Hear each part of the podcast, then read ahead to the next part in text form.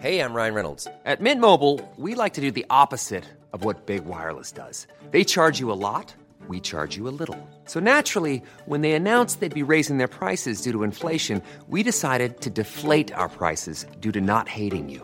That's right. We're cutting the price of Mint Unlimited from $30 a month to just $15 a month. Give it a try at mintmobile.com slash switch. $45 upfront for three months plus taxes and fees. Promo rate for new customers for limited time. Unlimited more than 40 gigabytes per month. Slows. Full terms at mintmobile.com. When you make decisions for your company, you look for the no-brainers. And if you have a lot of mailing to do, stamps.com is the ultimate no-brainer. It streamlines your processes to make your business more efficient, which makes you less busy. Mail checks, invoices, legal documents, and everything you need to keep your business running with stamps.com. Seamlessly connect with every major marketplace and shopping cart. Schedule package pickups and see your cheapest and fastest shipping options from different carriers. With rates up to 89% off USPS and UPS rates. And with the Stamps.com mobile app, you can take care of mailing and shipping wherever you are. Make the same no-brainer decision as over 1 million other businesses with Stamps.com. Sign up with Code PROGRAM for a four-week trial, plus free postage and a free digital scale. No long-term commitments or contracts. That's Stamps.com. Code PROGRAM.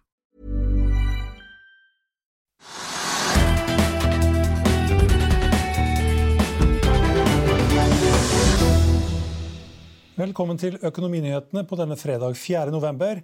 Vi har lagt bak oss en interessant uke og to dager med viktige rentebeslutninger og boligpriser. Og akkurat nå så kommer månedens viktigste nøkkeltall fra USA.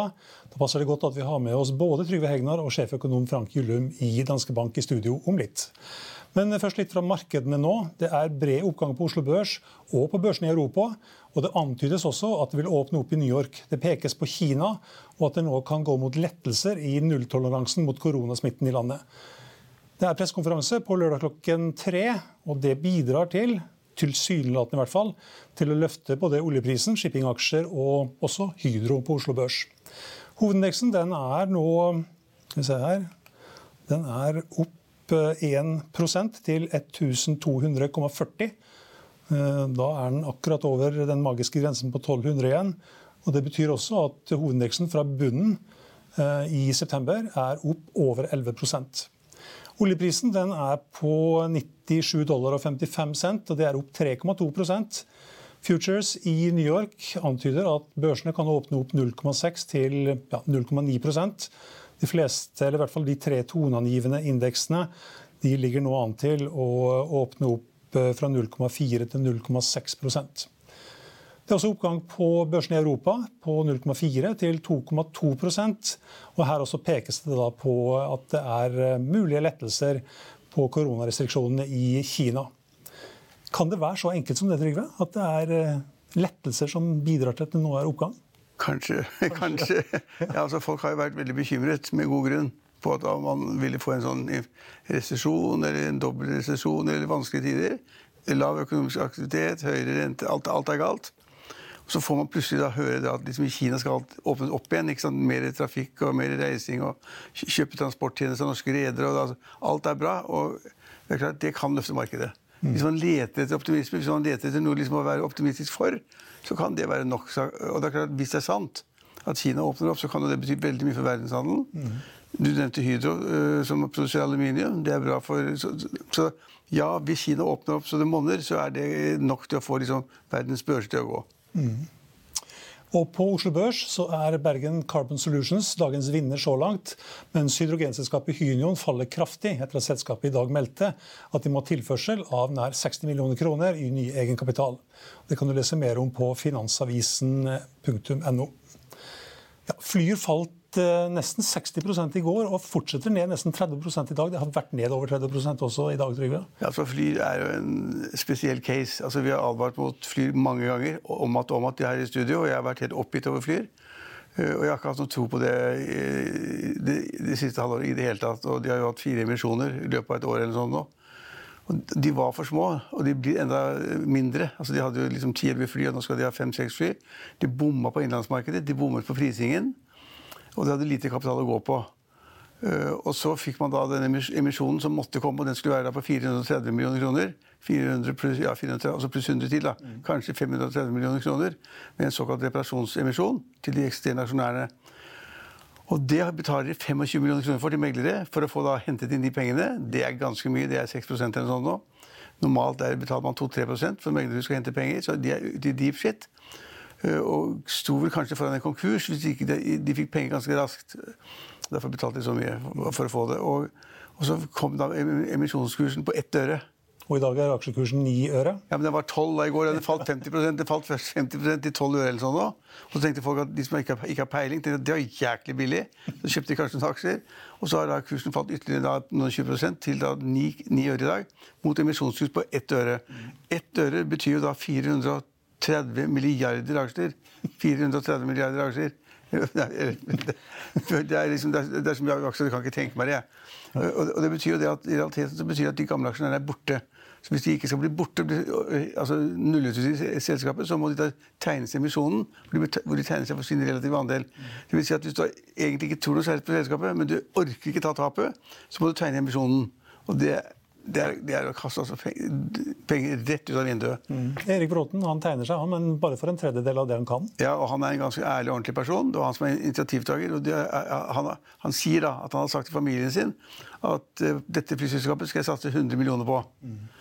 Ikke mer.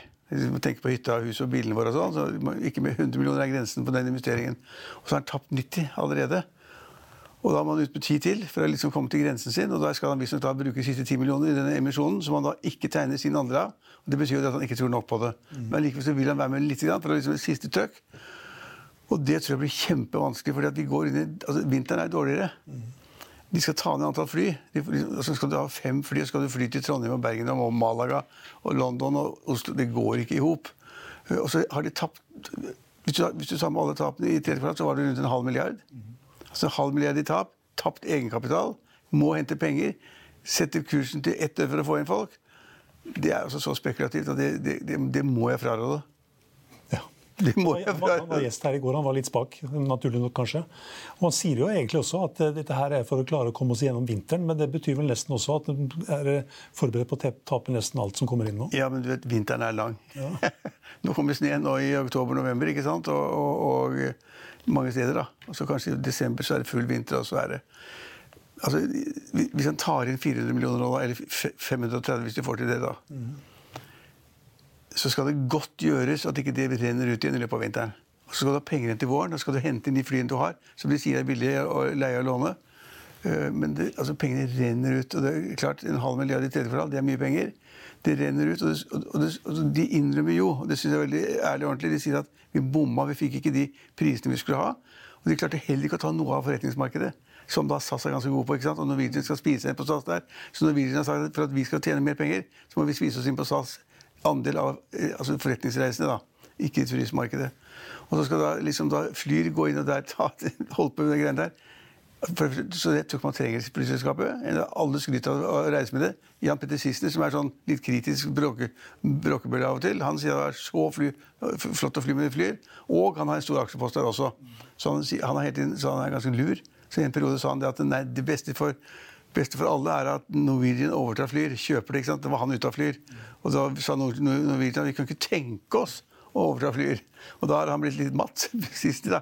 Og nå sier han jeg er ikke sikker på om jeg skal være med i tegneemisjonen, men jeg går og lurer på det. Han Han skal, skulle, han skulle få orientering i dag, etter som jeg forsto, på børsmålen. ja, men han skal vel ikke det. Han skal ikke ta friske penger fra sitt fond og putte inn i et, så, et selskap som er så risikofylt. Det kan gå. Jeg sier ikke at det ikke kan gå, men jeg vil aldri bruke penger på det. Én øre Stenove per aksje. Nå er den eh, ja, ni øre nå. Ja, altså Selskapet var da verdt bare fem-seks millioner kroner. eller sånn, det, altså, det var ingenting. Og Hvis du tar da de ni ørene og sammenligner med den ene øre, antall aksjer som kommer, det går ikke i hop. Hvis du tar da, da, dagens kurs, da, så vil selskapet være verdt flere milliarder kroner på de antall milliarder aksjer som man får inn. Det går ikke i hop. Jeg syns litt synd på dem. Og, og, og det som ikke har kommet frem, som også er et viktig poeng, det er jo det at de ansatte da, har, så vidt jeg har forstått, da, har, har måttet gå ned, de får en kutt i lønnen. Og det flyr fra kabinpersonalet. Også ledelsen i selskapet. De sier at vi deltar også, vi kutter lønningene våre. Vi kutter alt som er for å få det til. Ja, det er mulig, men de klarer seg helt sikkert ikke uten å få inn de 430 millionene eller 530 millionene. Du skal jo være ganske rar hvis du gidder tegne en sånn emisjon. Det hadde i hvert fall aldri du gjort. Stenove. Det tror jeg ikke noe på. Men ett øre er lite, da. ja, men du skal gange hvor mange, mange aksjer var det? 43 milliarder eller sånn nå? Ja, et eller annet sånt ja. Ja. Ja, det var ikke fire, altså en milliard. Vi gikk Glipp av nullen Det blir her. mange nuller her. Det blir veldig mange nuller. Og det, så ett et øre er dyrt egentlig, da, med tanke på hvor mange aksjer det egentlig da blir. Så, Aksjonærene har tapt alt. Og det er jo litt kritikkverdig må jeg si det her, at de da liksom har én emisjon, to emisjon, tre Henter penger, henter penger, henter penger, uten at det er noen forbedring noe sted. Jeg synes det var litt morsomt at han, han viste til en, et styremøte og en styrebeslutning at eh, de hadde bestemt seg for at de ikke skulle bruke mer enn en da den tegnelse for en Ja, vet, vet du hvor mange som sitter i styret i Ojada? Kona hans, kanskje? Nei, det er bare han. Bare han? da han sa at han skulle snakke med styret. Ja, hadde, det hadde vært et styremøte, eller han viste til et styremøte. Ja, men da snakket han med seg selv, snakket med seg selv da. Ja, det er jo enkelt. Jeg tenk, da jeg hørte den historien, så tenkte jeg kanskje at han hadde styremøte, men styremøtet var da et barn og kona. Det er, det er like morsomt, da. Ja. Men- Ojada, Ojada, som er selskapet, er jo 8,5 av uh, aksjene i Flyr. Ja. Og hvis det er riktige opplysninger i Proff og på Brønnøysundregistrene, som må anta at det er, så er det én i det styret, og det er styreleder Erik Bråten. Ja, og Da bløffer han litt. Det burde han ikke gjøre. Men jeg, altså, han, er, han er ute å kjøre. og Han, han, han måtte være med på emisjonen, men han burde sagt nei. det er nok. Nok er nok. Eh, og så kommer han da med det styret at styret, ja, han, han har blitt enig med styret om ikke å bruke mer enn 100 mil. Det, han er enig med seg selv, da. Det er jo greit, det. Det er veldig greit. Det pleier jeg å være òg. Ja, det, vi skal ikke bruke så veldig mye tid på for Vi skal ha en gjest her og snakke mer makro, som også er ganske morsomt og interessant. Men eh, vi må nesten innom eh, eh, den her boligflippingen denne uka her. Det var ganske interessant. Det er fremdeles noen rikinger som må ha ny bolig. Det blir kanskje færre av dem etter hvert, men eh, det er fremdeles mulig å få solgt bolig til 100 ja, jo, jo, men altså, nordmenn er jo rike. Altså, ikke nordmenn generelt, da. Altså, det er et, rikt land med gode Hele folk er i jobb, og de fleste tjener rimelig bra. Men de siste, året, siste årene så har det vært penger, masse penger som er tjent på de mest utrolige ting. ikke sant? Vi ser daglig i Finansavisen selskaper som da selges til noen. og Eierne har da tjent 100 millioner, 200 eller 300 millioner kroner. Det er mange som er rike i Norge. Det har vært gode tider i næringslivet, aksjekursen har gått opp. Og da kjøper de plutselig boliger eller landsteder til 50-100 millioner kroner. Og da er det noen som klarer å flippe en bolig, sant? hvor de liksom da tjener Kjøper for 30 og selger for 90 eller sånn. nå. Den gamle boligen til Haudemann Andersen. Ja, broren. Broren, Ja, broren, broren, broren, til Jan, ja, ja, broren hans. Og de, de har hatt veldig god råd, tjent masse penger i aksjemarkedet. Jan Haudemann Andersen, som du nevnte, han, han hadde jo tjent 4-5 milliarder kroner urealisert på Kahoot, på én aksje. Han er en tøff, hard investor, og, og mange som han har tjent gode penger i de, disse gode årene. Og så klarer man da å kjøpe da en bolig til 30 millioner og pusse den opp til 10-15 millioner, og så selge den for 90 millioner. Og, så kjø, og han som kjøper den, han kjøper også naboeiendommer, så han har brukt 90 pluss 30 120 millioner kroner. Men det viktigste i den saken der nå, vet du det er? Det er det at de som flipper en sånn eiendom, og bor der selv et år, så er det skattefritt. Vi- Vet du om noe annet i Norge som er skattefritt? Altså Lønninger, og utbytter og, og selskapsoverskudd. Alt er skattbart. Men hvis du eier bolig, og jeg forstår det, det er riktig, for hvis du da måte skal selge en bolig og flytte fra Oslo til Bergen Hvis du betaler skatt av gevinsten i Oslo, så har du ikke penger til å kjøpe en ny bolig i Bergen. Da kan du aldri flytte, da. Da blir folk tvunget til å være der hvor de bor resten av livet. Det, sånn kan vi ikke ha det. Men Norge er ganske ekstremt med det at vi har null beskatning av den gevinsten. Og det å da bo i en sånn bolig i ett år, da får du en skattefri gevinst som du du måtte være nesten geni i næringslivet for å tjene samme netto i løpet av fem eller ti år. Det er kupp. Det er hvis du driver en hobby, da. Men det er vanskelig å få en hobby til å bli så lukrativ. Nei, Hobbit, altså, frimerker eller mynter eller Ja, Det går ikke. Altså, så den, den åpningen vi har i eiendomsmarkedet i Norge, er fantastisk. Dette er et klassisk eksempel på at noen drar det helt ut i det helt ekstreme og tjener masse penger. Og de pengene han tjener skattefri på det, da måtte han jobbe altså 100 år, 100, 100 år i god stilling i en bank. Det er veldig godt gjort. Ja, det er godt gjort. Skal finne kjøper nå. Petter Collier. Sønnen til, sønnen til, ja, sønnen til Jan Petter Collier, han er meglernestoren, det er sønnen hans som er blitt så veldig flink i finans, sier faren. Han tjener masse penger for selskapet, og han skal kjøpe. Så du kan godt si at det er noen som har tjent for mye penger. da, Er det noen som har tjent for mye? Har de det for godt? Det er for lett. Vi skal komme litt tilbake til det litt senere når vi får med oss gjesten vår, Frank Gyllum, sjeføkonom i Danske Bank. La oss i Finansavisen hjelpe deg med å holde deg oppdatert på alt som skjer i finans og næringsliv. Hver morgen er jeg, Marius Lorentzen, og aksjekommentator Karl Johan Målnes på plass i studio for å ta tempen på dagens marked i Børsmorgen. På ettermiddagen oppsummerer vi alt du trenger å vite i økonominyhetene, og så får vi selvfølgelig besøk av masse interessante gjester. Du finner oss på fa.no-tv, eller ved å søke opp Børsmorgen og Økonominyhetene der du hører på podkast.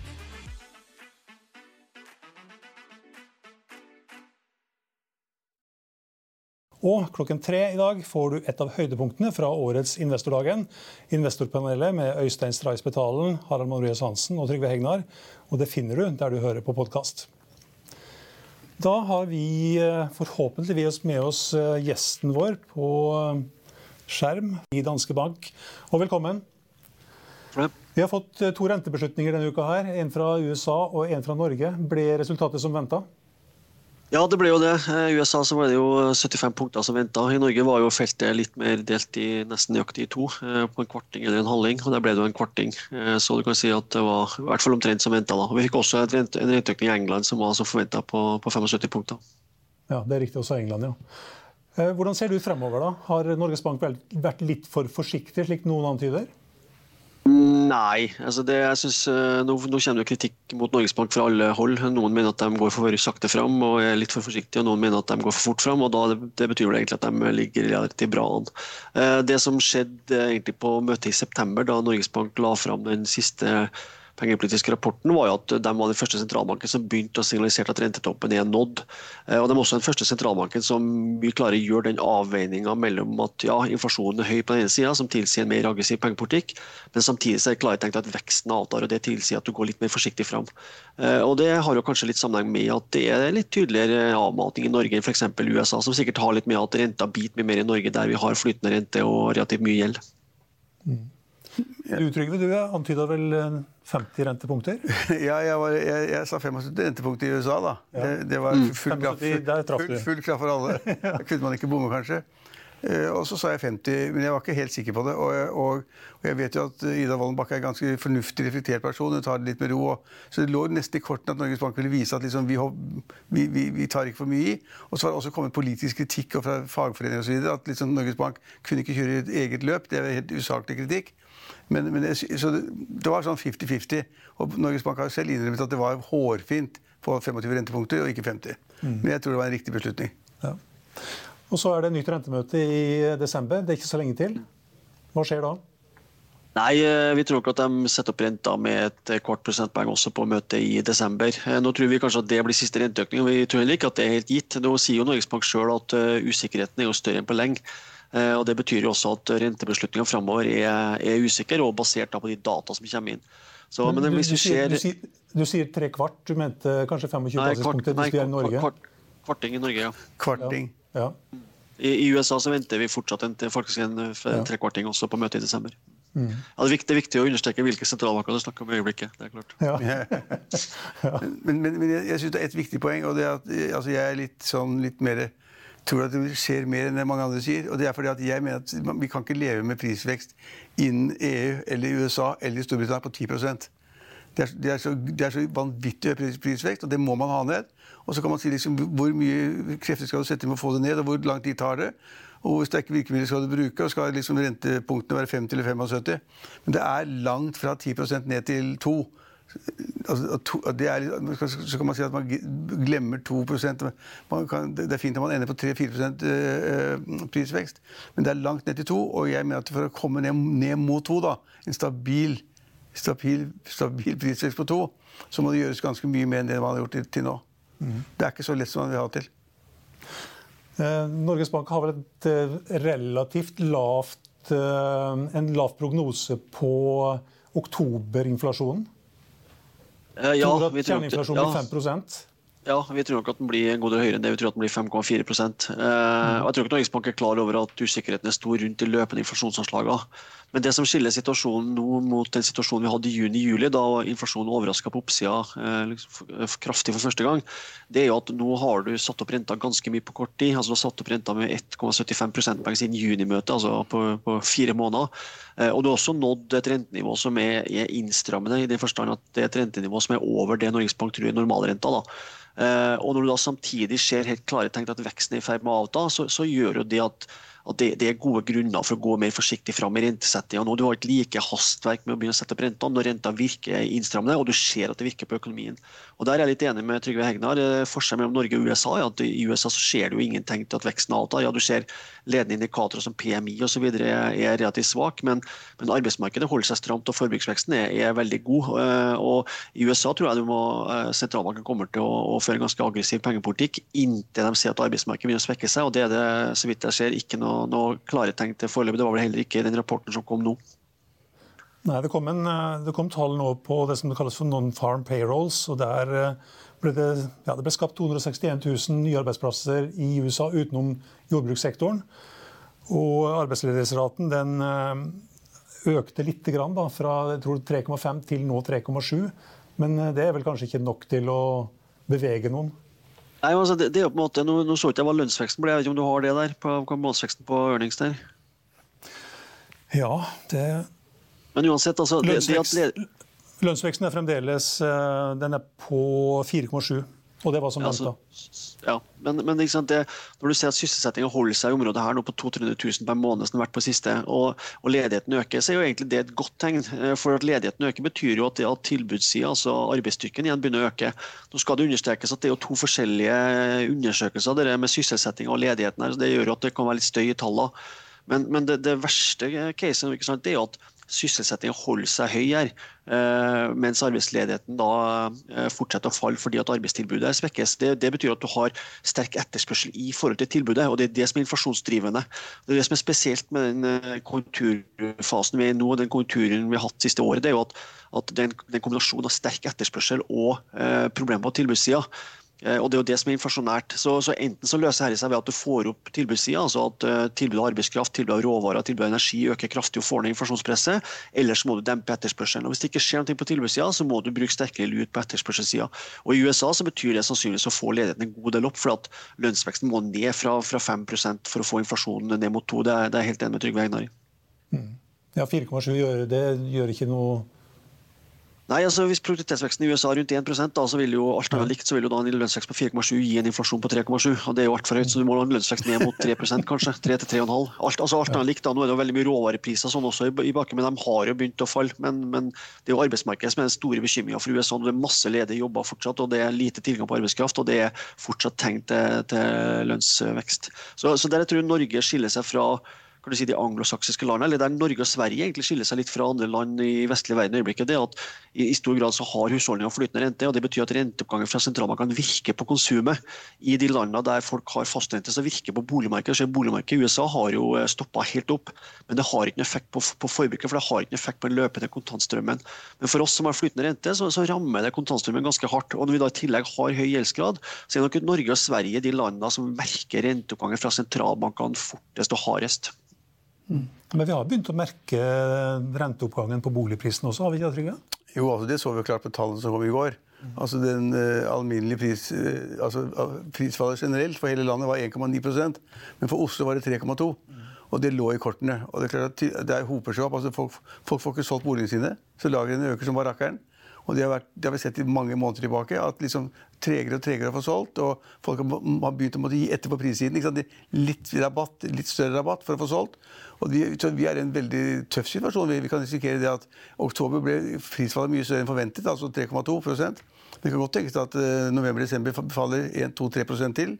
Uh, og da har vi en kraftig svekkelse av boligmarkedet. og Det, det skyldes da i, kanskje veldig mye renteutviklingen, hvor folk antisiperte at det ville komme renteøkninger, og så kommer den. Og så kommer det enda en renteøkning. Og da vil du få, da, jeg sier ikke at du vil få en kjempesmell i boligmarkedet, men du kan lett risikere at boligprisene faller 5-10 mm. i løpet av få måneder samlet. Men hvor, I hvor stor grad eh, skuler Norges Bank og sentralbanksjef Ida Wolden Bakke til boligprisene, Frank? Nei, I øyeblikket litt mindre, tror jeg. Jeg tror Norges Bank er på linje med oss alle andre bekymra for at det vi kaller realboligprisen, altså boligprisen i forhold til inntekter, har vært litt unormalt høy siste året. altså etter pandemien. Eh, så De ser nok gjerne at boligprisveksten avtar. og Det der er jo en veldig fin balansegang når du skal sette opp renta. Det å, det å, bremse veksten i et boligmarked som er for dyrt uten at det leder til krakk, det er, det er vanskelig. Men jeg er enig med, med Hegnar i det at jeg tror eh, neserisikoen er begrensa. Det har litt med at det er bygd ganske lite boliger de siste åra. Så tilbudssida er begrensa. Ofte når du har krakk, så er det fordi at det er bygd veldig mye i forkant, og så at du da opplever at etterspørselen stopper, så, så er det mye usolgte boliger, og så, og så, dempes prisveksten. Så Den store risikoen for boligmarkedet nå det er at renta øker mye mer enn det vi tror, eller at ledigheten begynner å øke kraftig. Og, og ingen av de tingene er jo, er jo hovedscenarioet vårt. Og så må jeg legge til en ting Når jeg snakker om eh, USA og Norge, så er det ikke sånn at jeg mener at, at, i Norge så virker ikke renta på boligmarkedet. Jeg sa bare at i USA så virker renta først og fremst på boligmarkedet, men ikke på løpende konsumet. Mens i Norge så virker både på boligmarkedet og på løpende konsumet umiddelbart, fordi vi har flytende rente. og Da er det bare seks uker mellom rentebeslutninger og det får effekt på, på, på lommeboka. og Sånn er det ikke i, i USA. Kan jeg bare komme tilbake en ting som i sted ble nevnt, at prisveksten i Norge da Du sa vel at det var en anslag på 5-6 Norges Bank har vel et anslag på ja. jeg tror 5,8 på konto, 5 blank på blank på kjerneinflasjon i oktober. Ja. Men, men det er litt etter da denne subsidieringen av strømmarkedet? Ja. ja. Så, kan, så, da må du legge til det, det, det trekker 3 prosentpoeng ca. Altså, totalinflasjonen var 6,9% i september. Ja. Man ville vært 9,9 uten strømstøtten. Ja, og er, Jeg er enig i det du sa i sted om, om uh, at Norge må være litt forsiktig og holder igjen. og de kommer til å gjøre sånn, men, men prisveksten er jo mye høyere enn det vi egentlig vil innrømme. da. Den er, den, er, den, den er, ikke veldig høy, men den er vesentlig høyere enn den burde være. Ja, men, men, men, jobben til Norges Bank er jo egentlig å sørge for at kjerneinflasjonen ikke trekker etter totalinflasjonen. Altså jobben er ja. å egentlig sørge for at energiprisveksten ikke slår ut i pris- og kostnadsvekst og lønnsvekst i resten av økonomien. Og, og Der er jo et, et, et, felt der Norge kanskje skiller seg fra andre land. og det er at hvis det er noen land som kan få ned lønnsveksten uten å gå veien via høy ledighet, så er det kanskje Norge med så høy grad av sentraliserte oppgjør. Så Det, det, en, det, det har jo Vollen Bakke vært inn på, det er flere andre som har om, at, at risikoen for sånne lønnsprisspiraler er nok lavere i Norge enn i andre land. Det, tror jeg fortsatt er. Selv om, selv om det, eksisterer sammenhengen, men den er nok svakere enn i, i land med mer privat øh, lønnsfastsettelse. Men, men, du tar opp et veldig spennende poeng. for vi, vi skal ha et tariffoppgjør til våren også. Og, og, i år så var liksom da egentlig begrensningen 3,7 etter, etter at vi liksom skulle gjøre felles og ha da frontfagsmodellen. Og jeg tenker meg liksom, Hvordan blir tariffoppgjøret hvis du har en prisvekst på 5-6-7% når våren kommer, og så skal du da ha lønnskrav. altså Skal du be om 10 lønns, lønnskrav? Men du kan ikke gjøre det. Industrien og LO og Den hellige treenighet vil si at det går ikke. Så da får man kanskje da prisvekst på 4-5-6% og så har man da lønnsvekst på Skal de kreve 6 eller 7 eller 8, eller hva skal vi gi lønnsvekst her i huset? Jeg har begynt å tenke på det allerede. Altså, hva, hva, hva, kommer til å skje? Blir det lønnskrav på 7-8 Nei, det kan ikke bli det. altså, altså, tror jeg, også, jeg, tror også at sant, det med hvor høy lønnskrav er, og hvor stor grad arbeidstakersida er i stand til å kreve priskompensasjon i lønnskravene, uansett om det er sentralisert oppgjør eller ikke, det avhenger av hvor svakt arbeidsmarkedet er. og Det som preger verden nå, er jo at det er veldig stramme arbeidsmarkeder. Eh, men vi tror at vi er inne i en fase nå når vi ser på makrobildet og også se på, på selskapsresultatet osv., så, videre, så det klart at det er et betydelig press på marginer i øyeblikket. og Bedriftene er mer og mer bekymret for lønnsomheten. og Det gjør nok at, at uh, vi, er, vi, er, nok like, like, før det punktet der arbeidsledigheten begynner å øke, ikke bare i Norge, men også andre land. og Da, da vil nok arbeidsmarkedet være helt forskjellig når vi begynner med, med lønnsoppgjøret til våren her i, i februar-mars. Og, og, og, krav om, om kompensasjon, full kompensasjon for inflasjon blir nok vanskelig. Det er, det er jeg helt enig i. Jeg tror vi får lønnsvekst som er betydelig lavere enn det 5-6 du snakker om nå. Ja. Vi nærmer oss eh, slutten på denne makrodelen, men eh, jeg har lyst til å pense over på um, budsjettforhandlingene. SV har kommet med sine forslag og kanskje kalle krav. Og de vil nå ha 50,8% utbytteskatt. Gjør du deg noen tanker rundt det, Frank? Nei, Jeg ønsker ikke å kommentere det, faktisk. Men, men, men, men, SV har kommet med masse krav i dag. Ja. Og på skattesiden de, de vil øke da liksom, provenyet fra skatt på 20 milliarder eller sånn. Og, det er mulig at de får til det, jeg tror ikke de får til det, men, de har jo kommet med skattekrav som er ganske skumle. da. For det første skulle selskap, selskapsskatten økes til 23 og så skal du øke utbytteskatten ganske kraftig. Og For da å betale formuesskatten så må man ta ut utbytte i selskapene. og da du liksom, skal, du, skal, du, få 70 skatt. Det går jo ikke. Så SV kan bare leke og tulle som de vil, men Arbeiderpartiet er mer de er mer forsiktige og på en måte forstår mer realitetene enn mange andre. Så det SV krever nå, er jo på en måte demonstrasjonsforslag. Og det blir ikke mange igjen i Norge hvis vi skal ha en selskapsskatt, utbytteskatt på 70 Formuesskatt på 1,7 Ja, men da, da, kan, da, kan, du bare sette opp fast tog, da. Da kan Flyr, som er, man går, kan ha fast rute til Zürich jeg skjønner ikke at de tør å være så barnslige.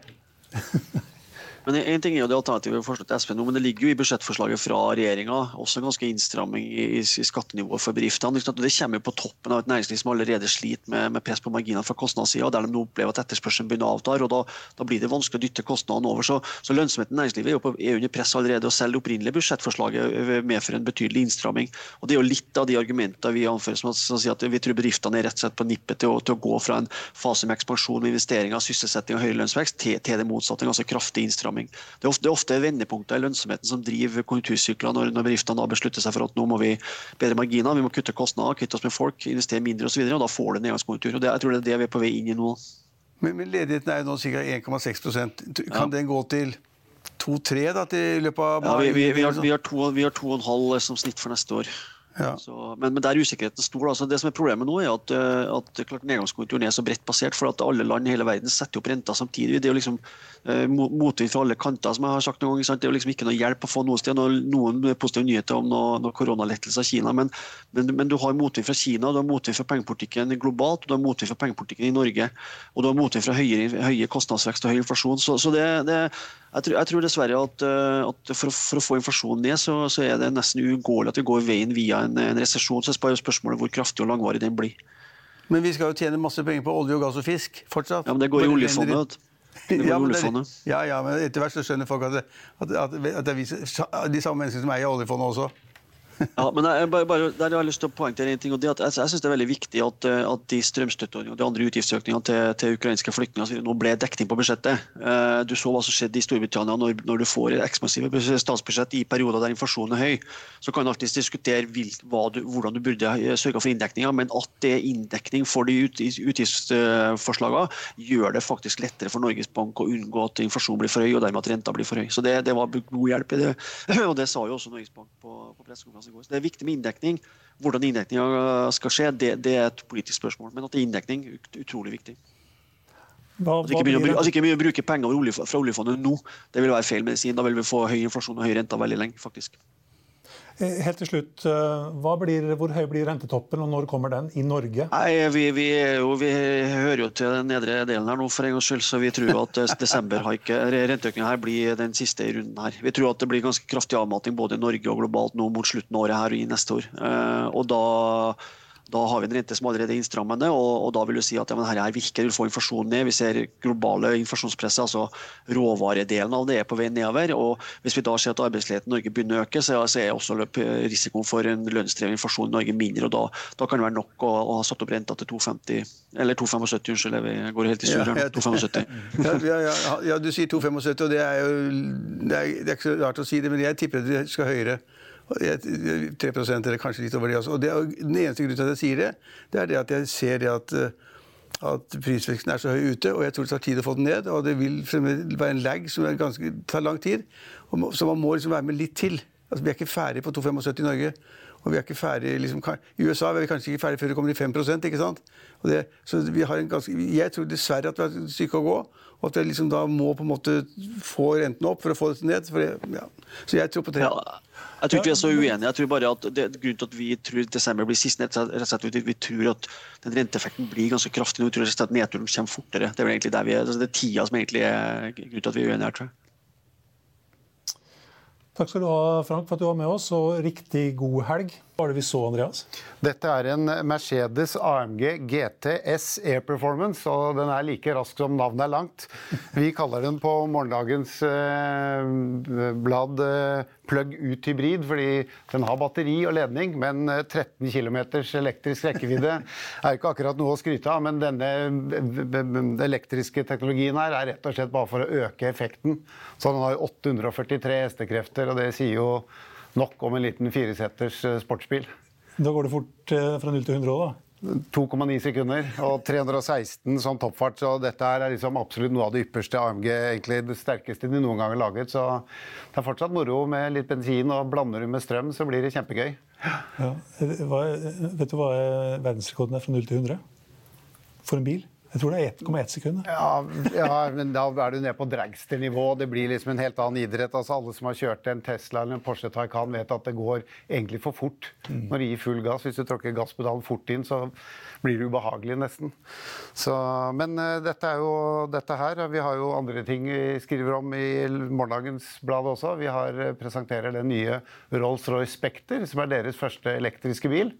Den kommer vel kanskje ikke på en liten stund ennå, men eh, Rolls-Royce kommer også der. og Spekter høres litt sånn James Bond ut. ja, det er vel, Jeg vet ikke helt hva det betyr eller hvor navnet kommer fra. Brukes i mange sammenhenger. Men eh, det er en stor elbil, selvfølgelig, med all Rolls-Royce luksus. 600 hestekrefter og over 50 mils rekkevidde og sikkert et komfortnivå som slår eh, det aller meste. Så Kommer den til Norge?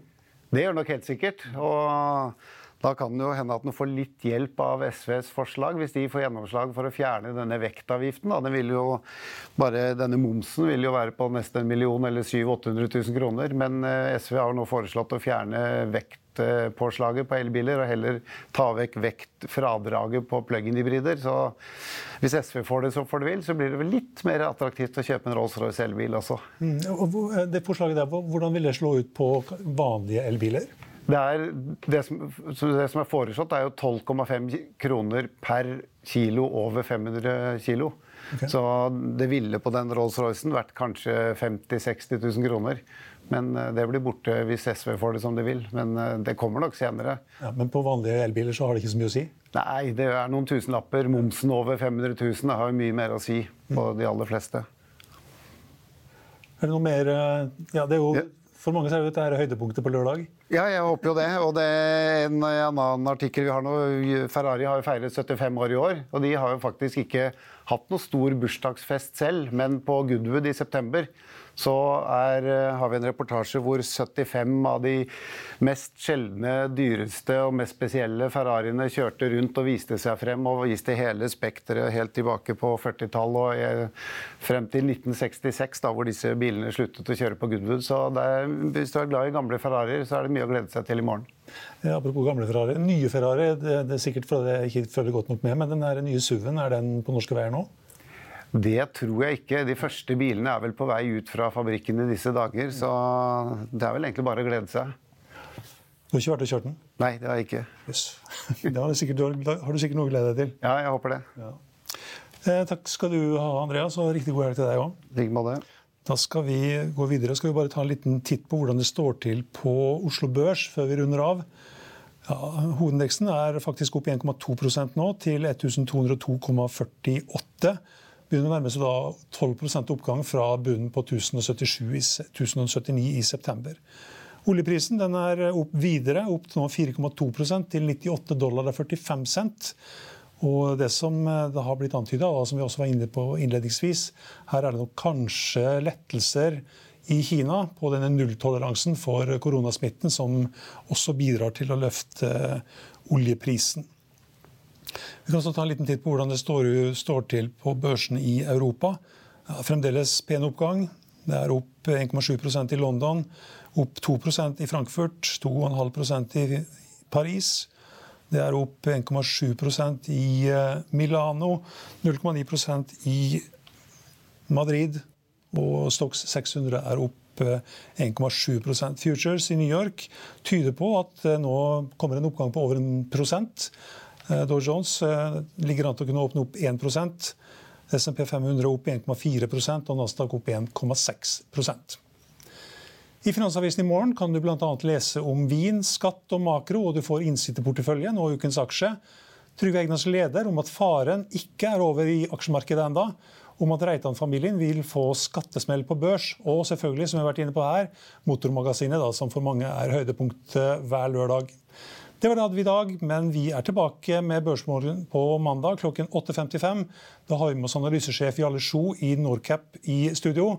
Og håper du er med oss igjen da også. I mellomtiden får du alltid siste nytt, minutt for minutt, på finansavisen.no. Mitt navn er Stein Ove Haugen. Riktig god helg, og takk for at du så på eller hørte på.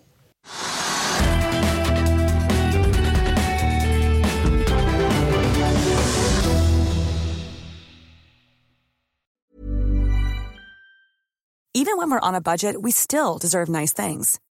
Quince is a place to scoop up stunning high-end goods for 50 to 80% less than similar brands. They have buttery soft cashmere sweaters starting at $50, luxurious Italian leather bags, and so much more. Plus, Quince only works with factories that use safe, ethical, and responsible manufacturing. Get the high-end goods you'll love without the high price tag with Quince. Go to quince.com slash style for free shipping and 365-day returns. Økonominyhetene er en podkast fra Finansavisen. Programledere er Marius Lorentzen, Stein Ove Haugen og Benedikte Storm Bamvik. Produsenter er Lars Brenden Skram og Bashar Johar. Og ansvarlig redaktør er Trygve Hegnar.